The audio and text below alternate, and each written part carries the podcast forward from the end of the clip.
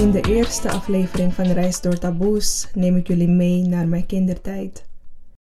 Op vierjarige leeftijd vertrok mijn moeder vanuit Suriname naar Nederland. Ik verbleef samen met mijn zus bij mijn grootouders. Zij hadden de zorg overgenomen. Dit verhaal is voor velen onbegrijpelijk, maar voor mij toen de tijd mijn werkelijkheid en onderdeel van de vrouw die ik nu ben.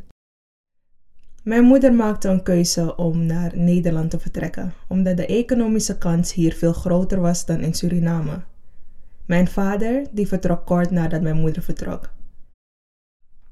Ik wil de podcast met mijn verhaal beginnen. Zo weet je waar ik vandaan kom. Ik hoop dat jullie zullen genieten van de eerste aflevering van Reis door Taboes. Mama, ga niet weg. Ik voel de warme zonnestralen op mijn gezicht als ik mijn ogen voorzichtig open doe. Ik moet nog goed wakker worden, maar ik hoor mensen fluisteren in de woonkamer. Normaal gesproken zou mijn familie geen rekening houden met mijn schoonheidsslaap. Nu wel. Nu zijn ze aan het fluisteren. Ik blijf in bed liggen en probeer op te vangen waar ze het over hebben. Ik sta eindelijk op en loop naar de woonkamer. Alle ogen zijn gericht op mij. Ik zie mijn moeder staan in een prachtig witte jurk. De koffer in de hoek van de woonkamer heeft mijn aandacht getrokken. Mama, gaat u weg?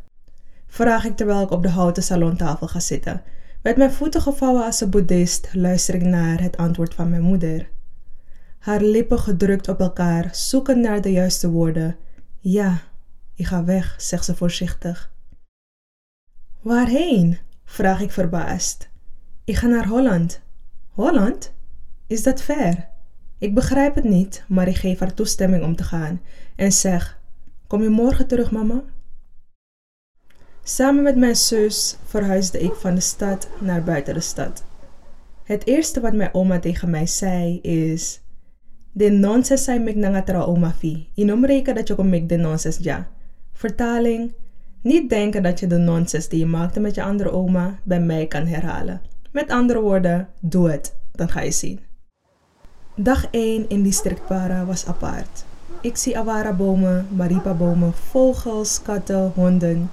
Een buitenleven wat ik niet eerder heb meegemaakt in de stad. Ja, voor een dag of twee, maar hier wonen? Ik loop naar mijn zus die in de kamer aan het uitpakken is en vraag: Vind je oma leuk? Ja, zegt ze overtuigend. Tuurlijk vind je haar leuk, je bent haar gewend, denk ik bij mezelf. Ik ben oma Jo gewend, de moeder van mijn vader. Naarmate ik mijn oma meemaak, hoe leuker ik haar begin te vinden. Ik kwam erachter dat ze best wel lief was. Streng, maar lief. En eerlijk, wat was ik een heet hoofd bij oma Jo. Ik was een vierjarige treitertje. De jaren gaan voorbij, de brieven tussen mijn moeder en ons stapelen zich op. 1997 was het toen mijn moeder voor het eerst naar Suriname kwam. Acht jaar was ik dus toen ik mijn moeder weer zag. En je vraagt je af, hoe is het om je moeder te zien na vier jaar? Heb je wel een band dan? Het gevoel is onwerkelijk, een gevoel van blijdschap wat je nooit eerder hebt ervaren.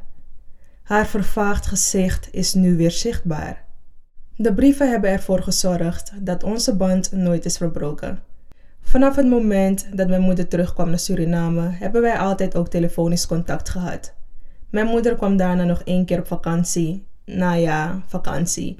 Het was meer een reis om documenten te regelen, om mijn zus en ik te laten halen naar Nederland. 26 december 2001, aankomst Amsterdam Schiphol. Tweede kerstdag. Het vriest en het is verschrikkelijk koud als wij samen met mijn moeder naar de auto lopen. Ik voel mijn oren niet meer. Maar dat maakt niet uit, want ik ben herenigd met mijn moeder. Twaalf jaar was ik toen ik van Suriname naar Nederland vertrok. Het heeft mijn moeder zeven jaar hard werken, zwoegen en ploegen gekost om mijn zus en ik te laten halen. Tot de dag van vandaag heb ik een goede band met mijn moeder. Ook met mijn vader trouwens, als je dat afvroeg na het luisteren van deze podcast. De vorige generatie heeft heel veel dingen meegemaakt, maar ook heel veel moeten opgeven. Ik heb deze situatie altijd met mijn moeder besproken. Ik ken anderen in mijn omgeving die ongeveer hetzelfde hebben meegemaakt als mij, maar het nooit hebben besproken met hun ouders. Dit thema blijft vaak onbesproken binnen het gezin.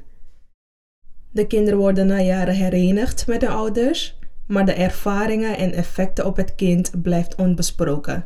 De opvoeding wordt vaak weer herpakt door de ouders, maar het gesprek wordt niet aangegaan of wordt in de doofpot gestopt.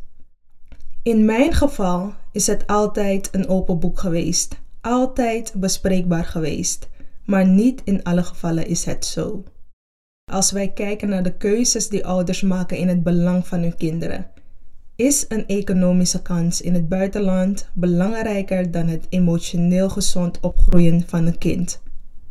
Hoewel de situatie in het buitenland niet te vergelijken is met het leven hier in Nederland, zou jij je kinderen kunnen achterlaten voor een betere toekomst voor jou en je kinderen.